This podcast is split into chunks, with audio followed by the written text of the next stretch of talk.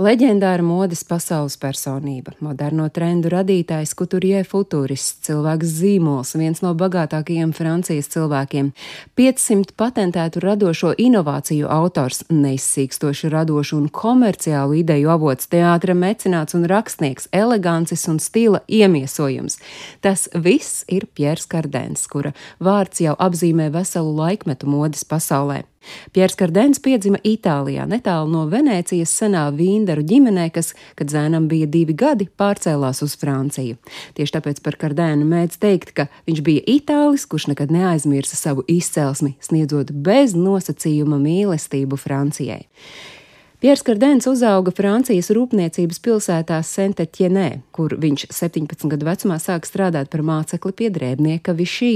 Tur viņš specializējās sieviešu apģērbos. Otrā pasaules kara laikā Kardēns pārcēlās uz Parīzi, tur satikās ar dzinieku, mākslinieku un režisoru Žanu Kokto, un abi kopā radīja satriecošus tērpus filmai Skaistule un Briesmonis.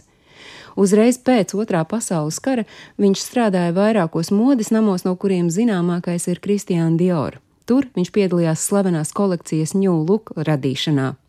Tā bija kolekcija, kas pacēla modes debesīs Kristiāna Diora reputāciju. Ar nopaļotiem pleciem, savilktu vidukli un kupliem svārkiem ņūluk izcēla sievišķību un bagātību, kas pēc kara, kad modē bija militārisms, uniformas, ierobežojums un trūkums, beidzot piedāvāja jaunu izskatu. Četrus gadus pie Diora apguvis apģērbu konstruēšanas likumus, viņš 1950. gadā uzsāka patstāvīgu darbību, un tas arī tiek uzskatīts par Pjēra Kardēna modes nama dzimšanas gadu. Iesākumā pieticīgais ateliešu šuva teātra tērpus, bet pēc trim gadiem pasaulē triumfāli tika parādīta pirmā sieviešu apģērbu kolekcija. Piers Kardens sāka ar to, ka efektīgi izmantoja sintētiskos materiālus, bet mēlis apgaismošanai mēnes gaismu. Kā vēlāk rakstīja prese, tad viņš jau toreiz izveda defilē uz ielas, bet modi masās. Ar savu slaveno burbuļu kleitu, kas tiek citēta pat 21. gadsimtā, Kardēns atstāja nospiedumu modes vēsturē, līdz ar žaketēm bez apaklītes. Tās par savām izvēlējās bīrli. Viņš ir arī viens no kosmiskā stila aizsācējiem apģērba dizainā. Jau pavisam drīz prestižā Parīzes rajonā atvērās sieviešu apģērba veikaliņš Eve bet modelētāja Pjēra Kardēna vārds kļuva plaši pazīstams.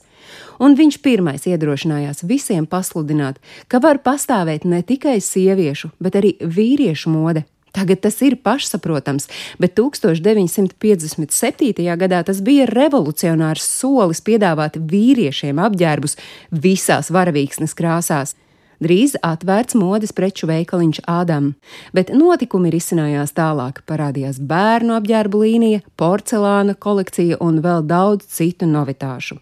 Ar pirmajiem soļiem modes pasaulē Kardēns bija pierādījis, ka viņam piemīt komersanta talants.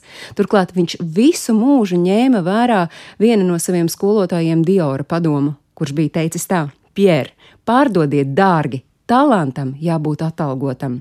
Lai arī modes olimpu kardēns iekaroja vienā paņēmienā, uz lauriem viņš negrasījās atdusēties. Viņš bija pirmais, kurš pievērsās Japānai kā augstās modes tirgumu. 1978.